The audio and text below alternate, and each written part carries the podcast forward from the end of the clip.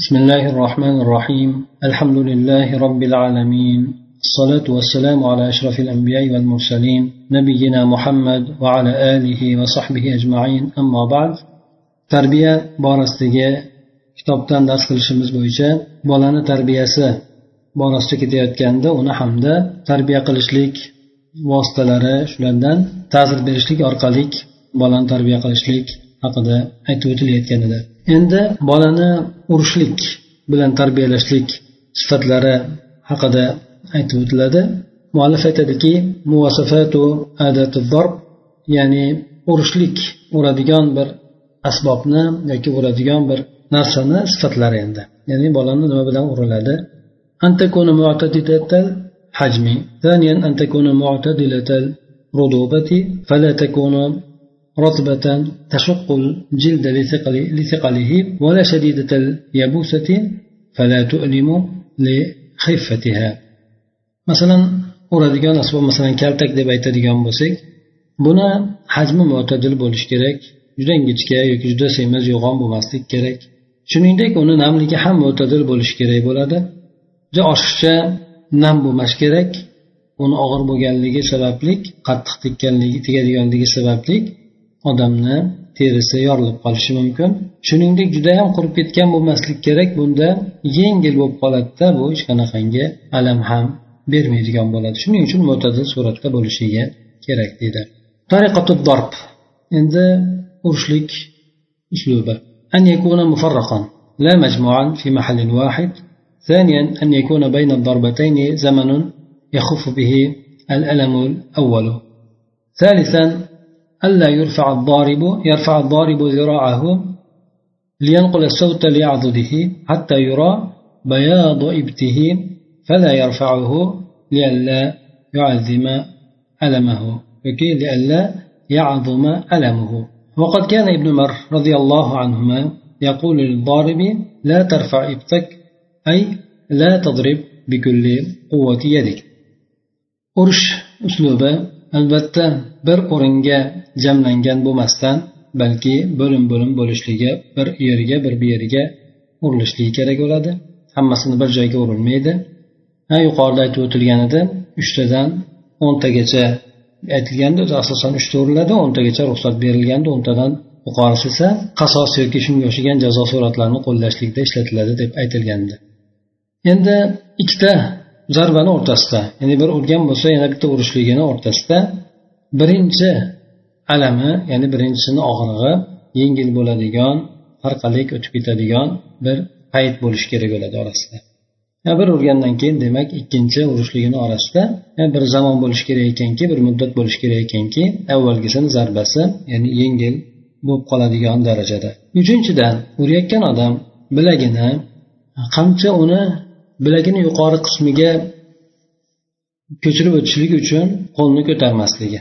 Ya'ni bu degani qamchini adud deb turib motirsaydan yelkagacha bo'lgan joyni aytiladi. Ziro esa uni pastidan bo'lgan e, to qo'lni mufsaligacha ya'ni bo'g'imigacha bo'lgan joygacha aytiladi. Zirosini o'zini ko'tarib turib urishligi e, zirosini ya'ni tirsagigacha bo'lgan joyini o'zini ko'tarib urishligi yengil tegadi. Agar endi bu ziro ya'ni ziro bilagidan yuqori qismini qimirlatib turib ana o'sha yerga kuch berib turib uradigan bo'lsa ya'ni bunday kuchi deb qo'yamiz biz o'sha joyda. Ana unday qattiqroq tegadi shuning uchun bunday qilib ko'tarmasin deb aytilyapti. Hattoki qo'ltig'ini oqib ko'rinib qoladigan darajada deydi. Ya'ni qo'ltig'ini oqib ko'rinib qoladigan darajada qo'lni baland ko'tarishligi bo'ladigan bo'lsa bunda insonni qo'ltig'i ko'rinadi. Ana o'shanday darajada bo'lmaslik kerak ekan. Sababi bolani og'rig'i bolaga tushadigan og'ir og'ir bo'lib ketmasligi uchun qattiq alam yetib qolmasligi uchun. Ibn umar roziyallohu anhu bolasini shu urayotgan odamga aytgan ekanki qo'ltig'ingni ko'tarmagin ya'ni qo'lingni badatga ko'tarmagin qo'ltig'ingni ochib ochilib qoladigan darajada. Ya'ni bu bilan u kishi qo'lingni bor kuchi bilan urmagin degan mazmunda aytgan ekan. Demak yuqoridagi agar uriladigan bo'lsa uslubni aytib o'tildi. Demak yuqoridagisi bolani qaqshatishlik uchun emas balki uni tarbiya berishlik uni tuzatishlik uchun qo'llaniladigan uslub bo'ladi. مكان الضرب. ألا يضرب الوجه أو الفرج. والرأس عند الحنفية. عن علي رضي الله عنه أنه أوتي برجل سكران أو في حد فقال اضرب واعط كل عضو حقه واتق الوجه والمذاكير. عن النبي صلى الله عليه وسلم أنه قال إذا ضرب أحدكم فليتق الوجه. رواه أبو داود عند بعض السلف. فإن أفضل مكان للضرب اليدين والرجلين albatta uriladigan bo'lsa yuz ham farji avrat ham urilmaslik kerak bu umum hamma olimlar nazdida ekan hanafiylar nazdida yani boshiga ham urmaslik kerak insonni chunki boshi ham insonni qattiq tegib ketadigan bo'lsa og'irroq zarar keltirib qo'yadigan shunaqa nozik joy hisoblanadi ali roziyallohu anhudan rivoyat qilinadiki bu kishini oldiga bir mast bo'lgan odamni olib kelingan ekan. Yoki bo'lmasa xat urilishi kerak bo'lgan odamni olib kelingan ekan. Shunda aytgan ekanki buni urganda hamma a'zosiga haqqini bergin. Ya'ni hamma a'zosiga aylantirib urgan ya'ni qirq darra sakson darra yuz darra uriladigan bo'lsa endi har xil hadlarda uriladi. Ana o'shalarni bir joyga emas demak bo'lib bo'lib urgan ha yuzdan chetlangan yuzga urmagan hatto hamda avrat joyga urmagan deb aytgan ekan. Bu narsa payg'ambar sallallohu alayhi vasallamdan ham rivoyat qilingan ekan. U kishi aytgan ekanlarki agar birontalaringiz uradigan bo'lsa yuzidan chetlansin yuzidan qo'rqib taqvo qilsin ya'ni yuziga urmasin. Buni abu dovud rivoyat qilgan ekan. Ba'zi salaflarni nazdida urishlik uchun eng afzal joy bu qo'li bilan oyoqlari ekan. Ya'ni bu yerda yuzga urilishlikdan qaytarilishligi ya'ni yuzni karomati hurmati bo'lganligi uchun bu yerga urilmaydi endi avrat atroflariga urilishligi insonga qattiq zarar keltirib qo'yishligi mumkinligidan shuningdek boshda ham aytib o'tdik nozik joy hisoblanganligi uchun boshga ham urilmaydi لا ضرب مع الغضب قال أبو بكر الصديق رضي الله عنه لا يقضين بين اثنين وهو غضبان رواه الجماعة إذا ذكر الطفل اسم الله تعالى يجب وقف الضرب إذا ذكر الطفل الله تعالى عن أبي سعيد الخدري رضي الله عنه قال قال رسول الله صلى الله عليه وسلم إذا ضرب أحدكم خادمه فذكر الله فارفعوا أيديكم رواه الترمذي وفي هذا تعظيم لله في نفس طفله abu bakr siddiq roziyallohu anhudan qilingan rivoyatda bu kishi aytadilarki qozi ikkita odamni o'rtasida g'azablangan holatda qozilik qilmasin bu borada alloh alam hadis ham kelardi ya'ni albatta g'azablangan holatda ikkita odamni o'rtasida hukm qilinadigan bo'lsa bu odam g'azab kelganda aqli to'liq bo'lmaganligi uchun g'azabga berilgan holatda hukm chiqarib qo'yishligi mumkinligi uchun bu narsadan qaytarildi. Xuddi shu demak boshqa o'rinlarda ham inson g'azabi kelganda biron bir muammoni hal qilmasligi chunki unda ham inson to'liq suratda o'zida bo'lmaydi. O'zini nazorat qila olmaydigan holatda bo'lib qoladi. Shuning uchun qattiqroq bir tomonga zulm qilib qo'yishligi bolani urganda ham qattiqroq urib qo'yishligi mumkin. Shuning uchun mana bunday bo'lgan holatdan chetlanishligi kerak ekan. Bu birinchi holat bo'ladigan bo'lsa ikkinchi holat agar bola alloh taoloni ismini zikr qiladigan bo'lsa ya'ni allohim o'zing yordam ber deydigan bo'lsa shunga o'xshagan gaplarni aytadigan bo'lsa bunda albatta urushni to'xtatishlik kerak bo'ladi. Bu ibora ikkinchi marta ham takrorlanib qolibdi alloh taolo ikki marta takrorlanib qolibdi abi said hud roziyallohu anhudan rivoyat qilinishicha rasululloh sollallohu alayhi vasallam aytgan ekanlar agar birlaringiz xodimini uradigan bo'lsa alloh taoloni eslab qolsa zikr qilsa unda qo'llaringizni ko'taringlar ya'ni urushni to'xtatinglar.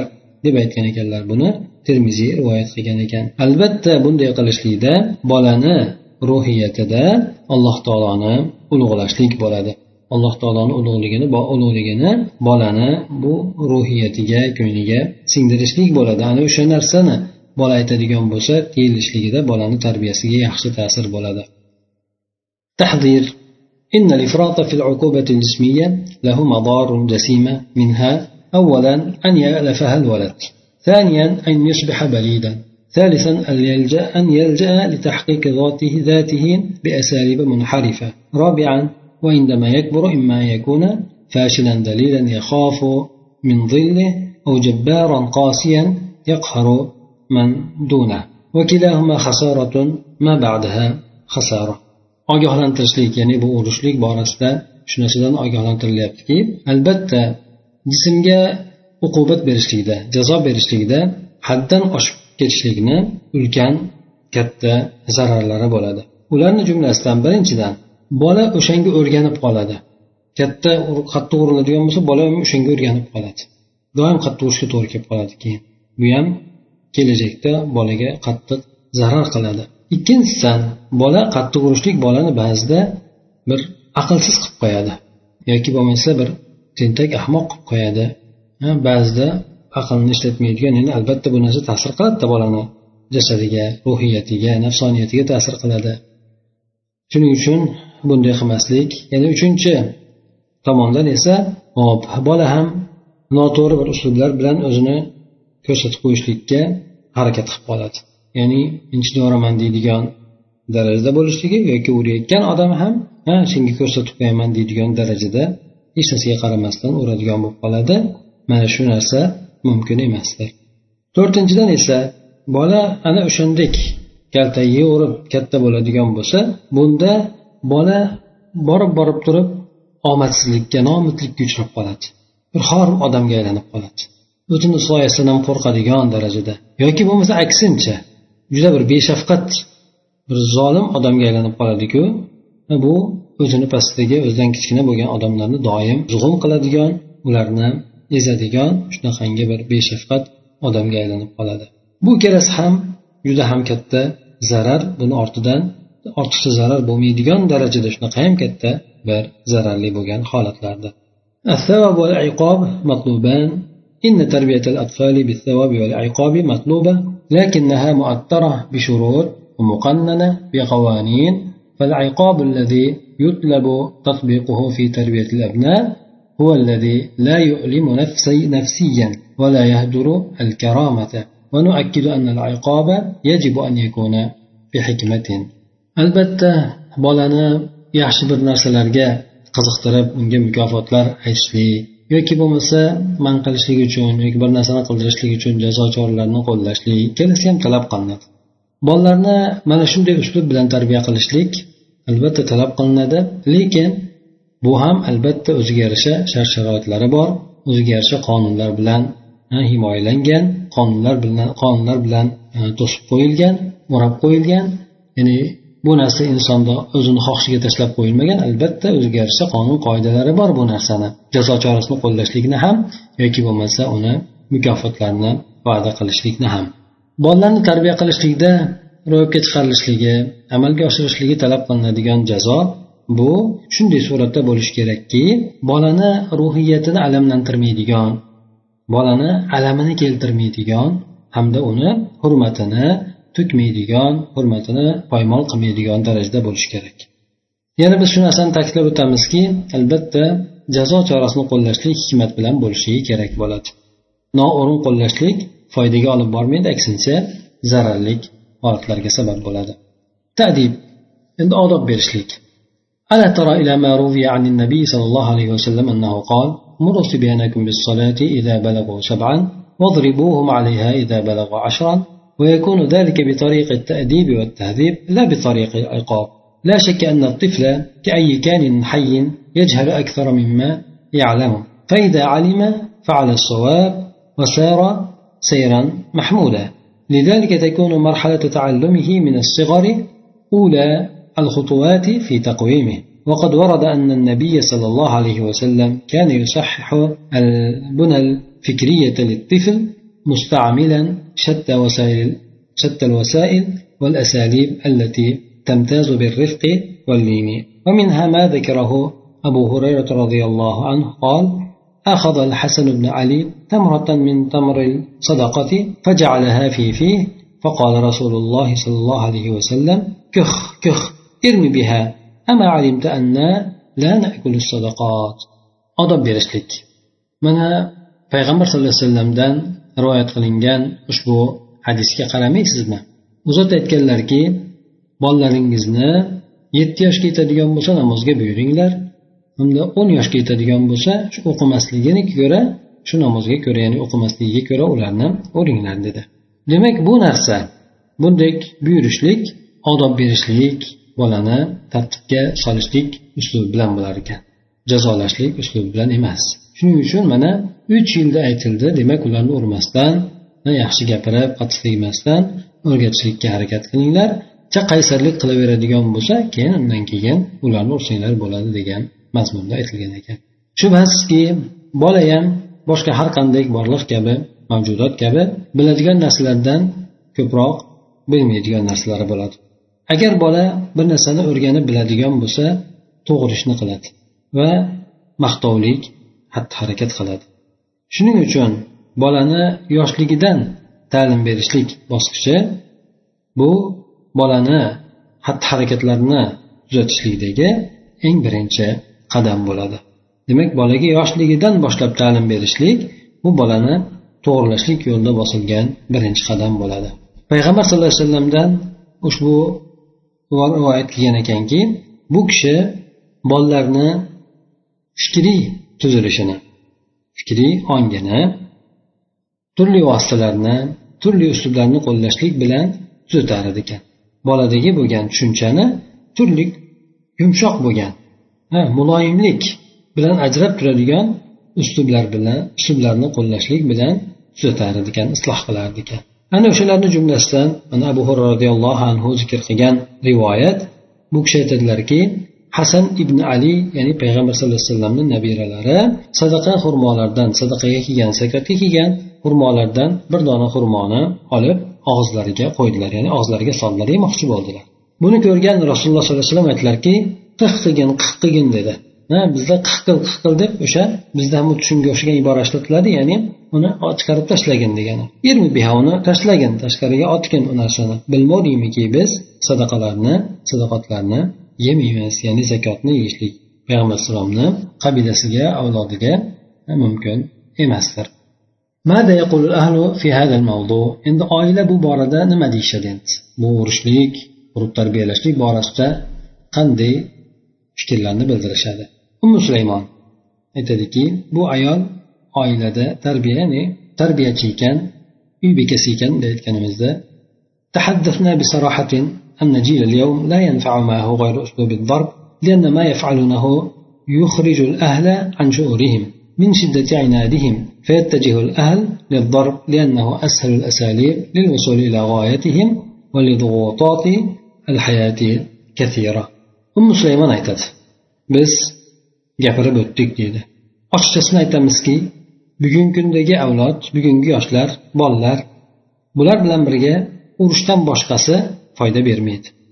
Na urushdan boshqa uslub foyda bermaydi. Chunki ular qilayotgan ishlar bu oilani ularni juda qattiq sarkashlik qilganligi itoatsizlik qilib qaysarlik qilayotganligidan oilani bular o'zini tuyg'usidan o'zidan chiqarib tashlaydi. Shunda oiladagilar bolalarni urushlikka o'tadi. Chunki bu narsa maqsadga erishishlikda hamda hayotni ko'plab bosimlari sabablik eng yengil uslub hisoblanadi. Bu ayol shu gapni aytgan ekan. Ya'ni bolalarni urish kerak bu bilan maqsadga birinchi olib yetiladi degan gapni aytgan ekan. Ammo amol muhammad degan ayol bu ayol ham uy bekasi ekan. Turli yoshlardagi bo'lgan farzandlarni to'rtta farzandni onasi bu ayol aytadiki men bolalarni tarbiyasidan ko'ra qiyinroq bo'lgan narsani topmadim. Chunki bu tarbiya qilishlik judayam katta mas'uliyat ekan. Bu ota ona tomonidan e'tibor qilishlik parvo qilishlikka judayam muhtoj ekan. Biz bolalarga qilayotgan munosabatimizga muomalamizga ko'ra bolalarimizni iloji boricha urmasdan tarbiya qilishlikka harakat qilyapmiz. Hamda o'zaro aloqalarimizni bir birimizni tushunishlik o'rtada suhbatlar olib borishlik shu narsalar asosida barpo qilyapmiz. Lekin men bolalarni shu imtihon vaqtlarida o'zligimni yo'qotib qo'yaman yoki muvozanatimni yo'qotib qo'yaman. Uy bunday holatda safarbarlik holatida bo'ladi ya'ni imtihon paytida safarbarlik holatda bo'ladi. Ya'ni hamma yoq to'zigan ivirsigan bolalar faqat dars qilish bilan mashg'ul bu narsaga qaramagan hamma yoq. Shunaqa holatda bo'ladi. Ana o'shanda meni holatim nafsiy bo'lgan holatim juda ham asabiylikka aylanib ketib qoladi. Meni ruhiy holatim juda yam asablashib ketib qoladi. Lekin shu bilan birgalikda men asablarni tutib qolishlikka harakat qilaman. Va sizlardan yashirmaymanki men o'zi aslida bolalarni urmayman. Illo agar bolalar darslarini tayyorlashlikda nuqsonga yo'l qo'yishadigan bo'lsa beparvolik qilishadigan bo'lsa o'shandagina ularni urishligim mumkin deb bu ayol aytadi undan keyingi ayol aytadiki roniya muhammad degan bu ayol tarbiyachi ekan hamda uchta farzandni onasi ekan إذا علمت الأم أبناء علمت الأم أبناءها المحافظة على مبادئهم وقيمهم وحبهم بالحوار فإنها حتما لا تحتاج إلى الضرب فأنا وزوجي لا نلجأ لضرب أولادنا كما يفعل بعض أهالي وأشد عقاب نتبعه هو توبيخهم بالكلام والحرمان من شيء يحبونه bu ayol aytadiki agar ona farzandlariga ularni o'zlarini asoslarini qadr qimmatlarini va muhabbatlarini saqlab qolishlikni shunga mahkam berilishlikni o'rgatadigan bo'lsa bu narsa albatta hivor yo'li bilan bolalarga tushuntirishlik ular bilan suhbatlashishlik orqali. Mana shu ularni asoslarini ya'ni asoslari nimadan iborat? Dinlari axloqlari oiladagi yoki jamiyatdagi qadr qimmatlar ularga nisbatan muhabbatni bo'lishligi mana shu narsalarni saqlab qolishlikni o'rgatadigan bo'lsa albatta bu o'rinda hech ham urushlikka ona muhtoj bo'lmaydi.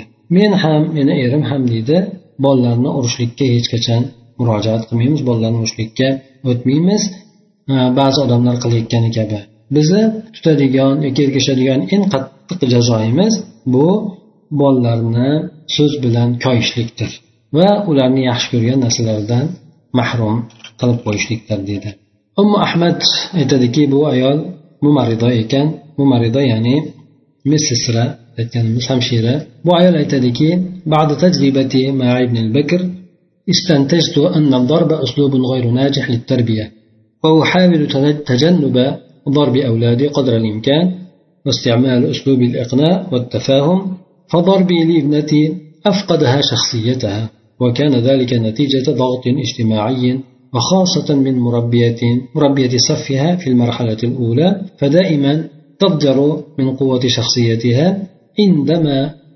اضطر لمعاقبتها بالضرب عندها اضطر لمعاقبتها بالضرب المبرح حتى أفقدتها شخصيتها وأصبحت أصبحت تخاف من كل شيء وأنا أندم أشد الندم على ما ارتكبته ما ارتكبته بحق ابنتي التي لم تتجاوز العشر سنوات.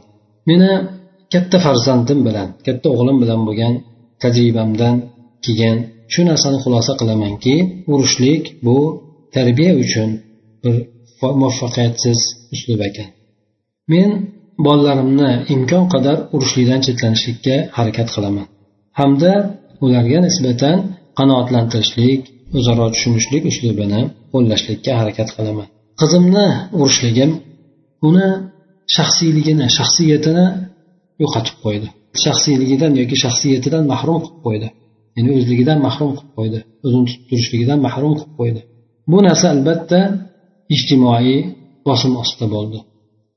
Ijtimoiy ya'ni oiladagi yoki o'zaro o'rtamizdagi muomalalar sababli odamlarni o'rtasidagi ya'ni yaqinlarimiz o'zlarimizni oramizdagi muomala sababli demoqchi.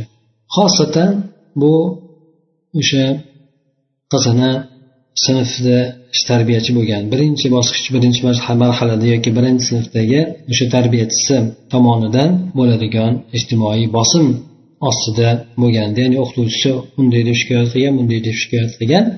Ana shunda doim bu ayol o'sha o'qituvchisi murabbiyasi hop o'sha qizini shaxsiyatini kuchliligidan siqilar doim siqilardi ekan. Ya'ni ehtimol qaysarligi bordir o'zini bala tutishligi bordir.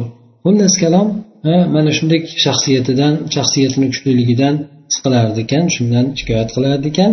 Ana o'sha paytda men o'sha qizimni deydi jazolashlikka majbur bo'lib qolardim urush bilan ya'ni qattiq urushlik bilan jazolashlikka majbur bo'lib qolardim hattoki borib borib men qizimni shaxsiyatini yo'qolishligiga ham sabab bo'lib qoldi va qizim hamma narsadan qo'rqadigan bo'lib qoldi. Men esa o'sha men qizimni haqida qilgan jinoyatimga yoki qilgan yomon qilmishlarimga juda qattiq afsudomat qilaman. Bu qism hali o'n yoshdan ham o'tmagan edi deb bu ayol kishi aytadi. Demak yuqoridagi aytilgan onalarni tajribalari albatta urib tarbiyalashlik doim ham foyda bermas ekan. Aksar holatlarda aksi zararni zarar bo'lar ekan. Albatta buni hikmat bilan qo'llashlik hamda uslubda haddan oshmagan holatda qo'llashlik bu samarasini berishligi mumkin agar boshqa choralarga imkon bo'lmaydigan bo'lsa. Shuning uchun demak e, birinchidan e, farzandlarni iloji boricha asabni ushlab olgan holda ularni urib tarbiyalashlikdan uzoqda bo'ladigan bo'lsa mana yuqorida aytib o'tilgandek samarasi yaxshiroq ularni kelajakda e, bir muhabbatli bo'lib hamda ularni bu narsa albatta axloqlariga ham xatti harakatlariga ham o'zlaridan boshqalarga qiladigan muomalalarda ham ta'sirini ko'rsatishligini yuqorida ishoralar qilib aytib o'tildi سبحانك اللهم وبحمدك نشهد أن لا إله إلا أنت نستغفرك ونتوب إليك اللهم انفعنا بما علمتنا وعلمنا ما ينفعنا وزدنا علما